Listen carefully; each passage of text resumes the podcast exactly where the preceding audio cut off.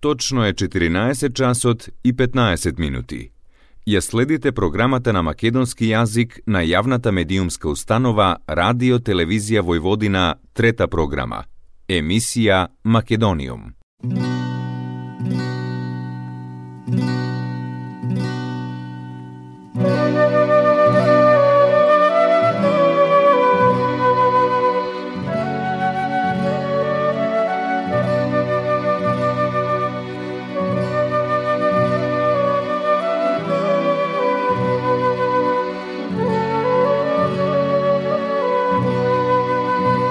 Македониум.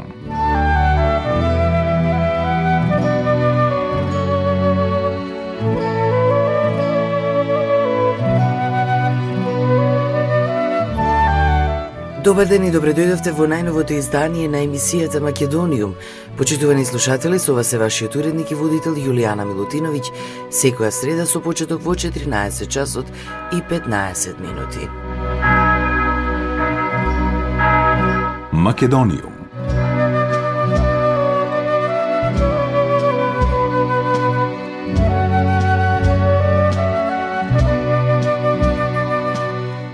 Црквата и верниците денеска го слават Богојавление 19 јануари или Водици и овој празник означува крај на некрстените денови, кога во црквите не се вршат обреди за крштевање. Овој верски празник е исклучително важен бидејќи се слави во чест на подсетување дека мисијата на Исус Христос не е започната со раѓањето, туку со неговото крштевање кога заедно се појавиле таткото, синот и светиот дух по прв пат Од тука и името Богојавление. Со тоа му се дава значење на крштевањето како една од повеќето свети тајни на христијанството. Крштевањето значи и духовно раѓање, односно почеток на човековото живење на верата. Затоа кумот се смета за духовен родител на крстениот и најблизок роднина. Со овој празник завршуваат не само 12-те така наречени некрстени денови, туку и циклусот зимски празнувања во кои спаѓаат уште и свеченостите поврзани со Бадник, Божик и Нова година, Василица и слично. Богојавление бил празник на предхристијанскиот бог давател Дајбог, кој ги исполнувал желбите на луѓето кои му се обраќале при отворањето на небото. Имено според верувањето, ноќта спроти празникот, точно на полноќ на глуво доба, се отворало небото и на сите што будни ќе го дочекале тој час, Бог им ги исполнувал желбите. Според едно предание од Охрид што го забележал Кузман Шапкарев, некој човек што овој миг го гледал низ прозорецот, сакајќи да има осмак пари, по погрешка рекол, дај ми Господи еден осмак глава, И за чудо на час од главата му пораснала колку еден осмак, та не можел да си ја тргнит назад од пенџерата и му останала на надвор од пенџерата, а тој како закован на неа.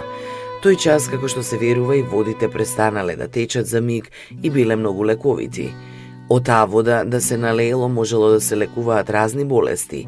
Ако пак не се налеела во тој миг, водата можела таква да се направи, откако ќе се освети, односно покрсти, по специјален обред што го изведува свештеникот.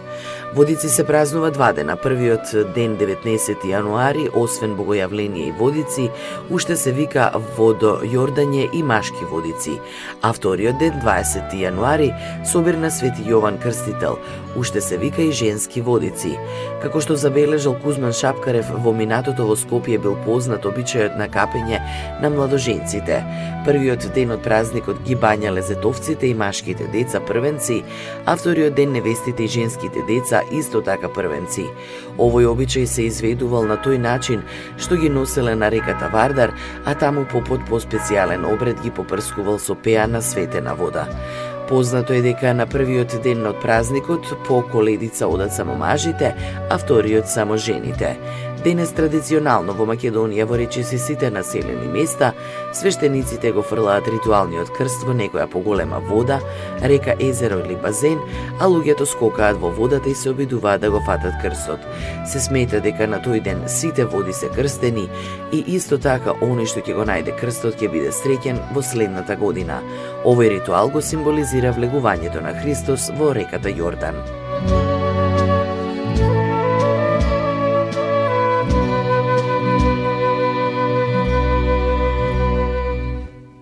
Македониум.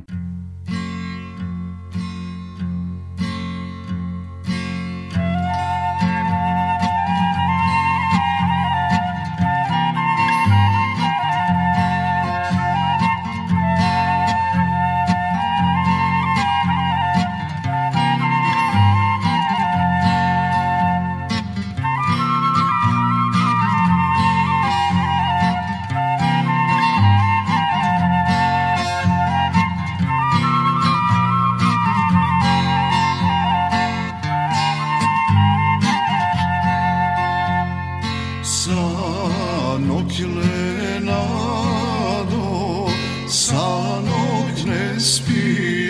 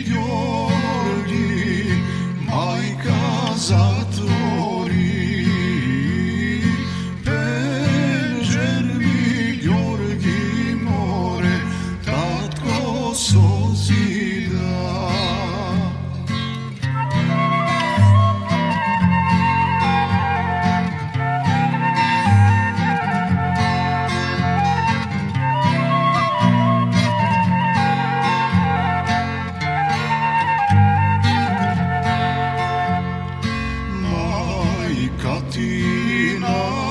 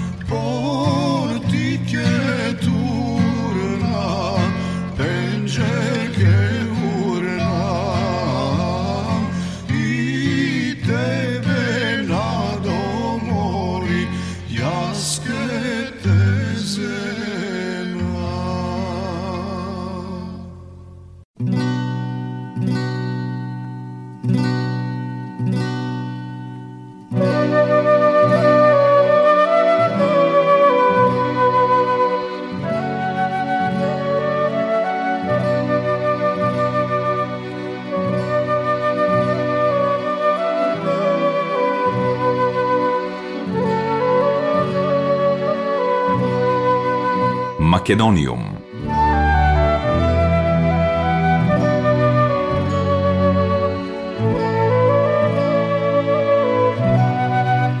Домот на младиот Панчево го распишува 45-тиот конкурс за зборникот поезија и кратка проза од млади автори од просторите на поранешна Југославија, рукописи 45.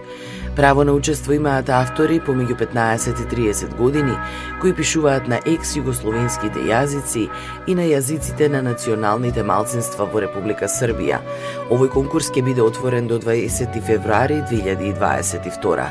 На конкурсот може да се учествува со поезија или кратка проза. Треба да се испратат до три песни или раскази, песните не подолги од две, а расказите не подолги од три чукани страници. Подпишани со полно име и презиме, година на раѓање, адреса на живење, број на телефон и имейл. Конкурсот трае нешто повеќе од еден месец, завршува на 20 февруари на полноќ. Рукописи 45 ќе излезе од печат на почетокот на мај оваа година, а во тек на мај планирана е и промоција во Панчево, односно тридневен фестивал доколку дозволат епидемиолошките мерки.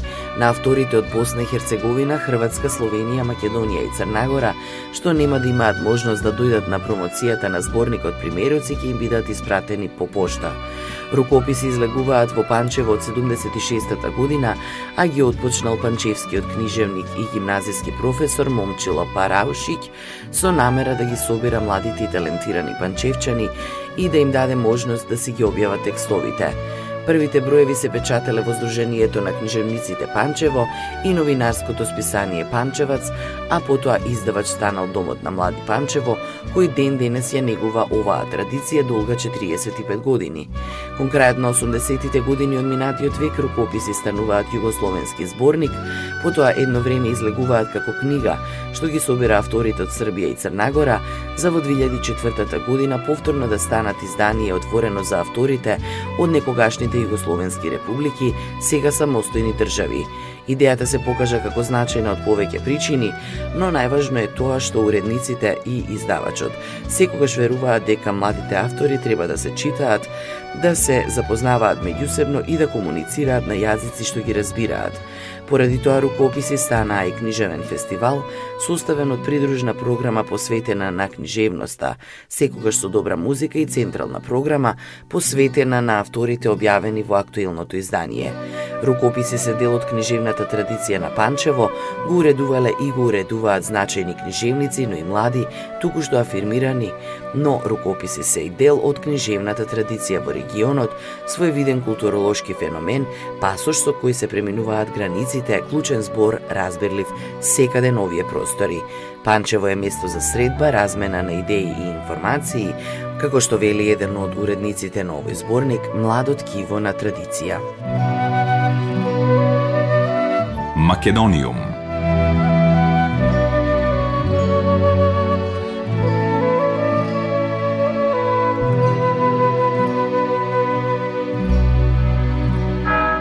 Македонскиот композитор е истакнат научен деец, долгогодишен член на Сојузот на композиторите на Македонија, а во моментов председател на Собранието на Соком, Јане Коджобашија, е избран за член на Дуклјанската академија на науките и уметностите во Црнагора. Неодамнишниот избор за академик на Коджобашија во оваа институција е признание и резултат на неговата повеќе децениска дејност, со која дава значен придонес во развојот на македонската музичка култура и нашата научна мисла. Професор доктор Коджобашија во текот на своето действување остварува значајни резултати во некои од базичните текови во развојот на македонската музичка култура, во музичката продуктива, во текот на работниот век во македонската радиотелевизија, како одговорен уредник на музичката и касетна продукција, директор на Македонија концерт музичката публицистика, и обемните научни истражувања во областа на музичкото културно наследство, за значаен број црковно-музички дејци, ракописни и печатени црковно-музички зборници и откривање на досега недостапни музички ракописи од областа на црковното пеење од византиската традиција кај нас, велат од Соком. Овие истражувања во негова дејност започнати во текот на 80-тите години па се до денес представуваат значаен придонес и остварена богата активност во областа на теоријата и практиката на црковното пеење од византиската традиција. 17 издадени теоретски и монографски изданија и зборници за црковно пеење настанати на територијата на Македонија, Во 19 и почетокот на 20 век се монографски изданија на оригинални ракописи од македонски музички дејци со воведен текст и транскрипција од невматска на европска нотација, како и педагошка литература, прва од ваков вид на македонски јазик за изучување на теоријата и практиката на источното црковно пеење. Неговите трудови се изобилно цитирани од истражувачите на културното музичко наследство во земјата и во странство и се употребуваат како педагошка литература за изучување на теоријата и практиката на источното црковно пеење и во образовни институции надвор од нашите земји. Издавањето на овие дела на Коджабашија и нивното представување пред културната и научната јавност резултираа со забрзан развој, возобновување и со се поширока примена на црковното пеење од византиската традиција во Македонија. Пред нашата и странската културна јавност во рамките на Европската година на културното наследство во текот на 2018 година Коджабашија го представи значајното издание Антологија на македонското црковно пеење, овозможено од делегацијата на Европската унија во Македонија. Македониум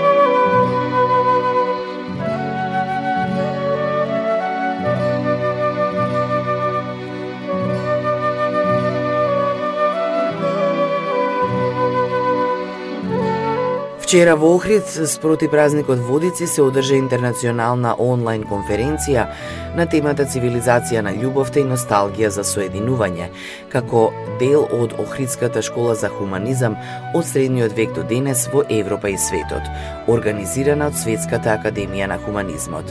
Исто така имаше и церемонија на прогласување на професор Далимир Хајко од Словачка за добитник на Светската награда за хуманизам за 2022 година.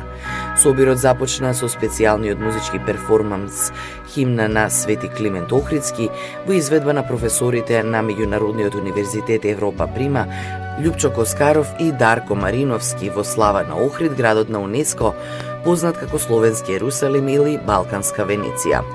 Темата на конференцијата произлегува од примарната мисија на Охридската академија на хуманизмот да ја продолжи визијата на Свети Климент и Свети Наум, основачи на првиот универзитет во овој дел на Европа, кој во исто време беше и првата школа на хуманизмот, основана во 9 век.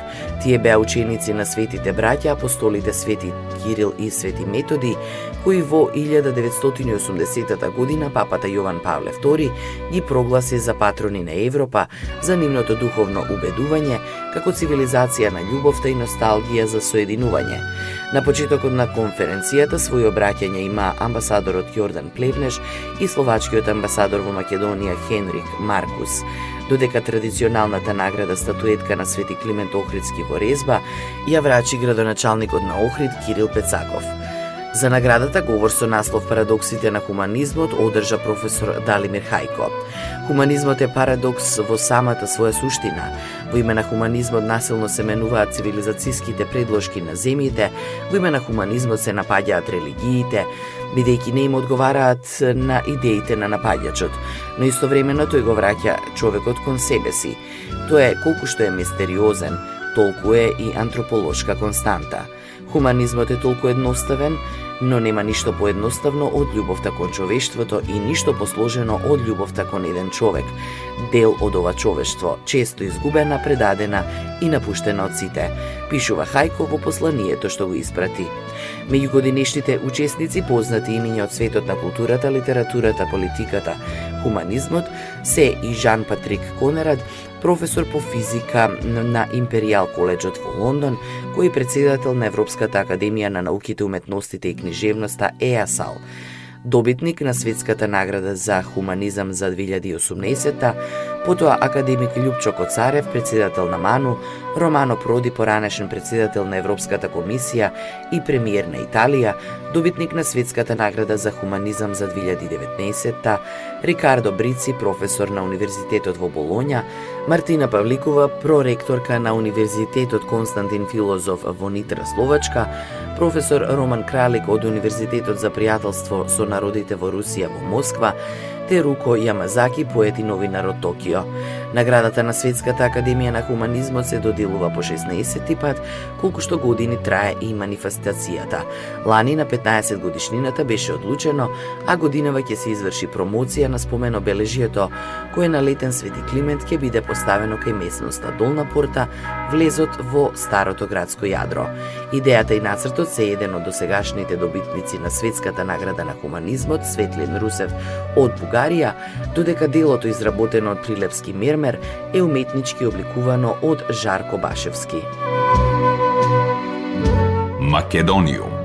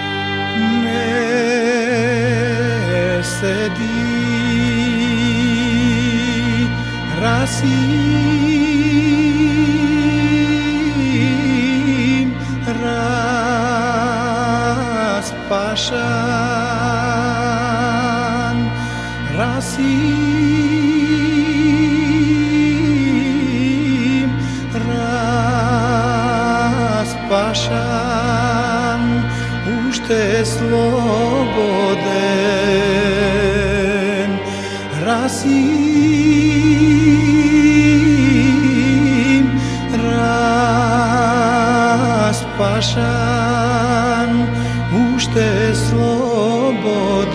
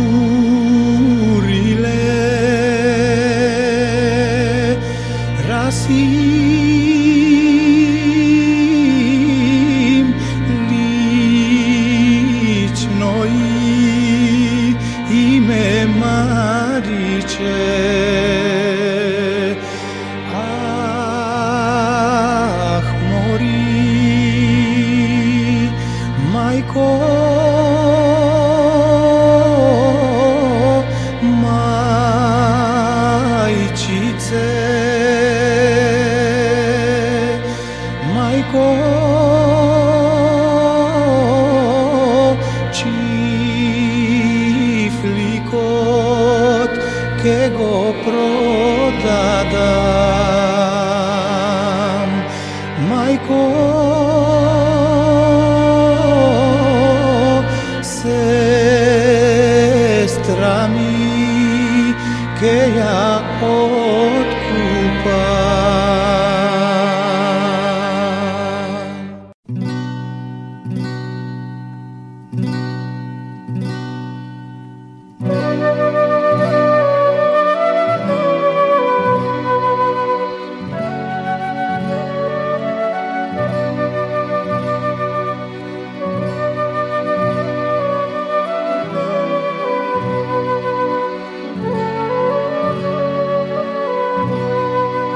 Македонијум.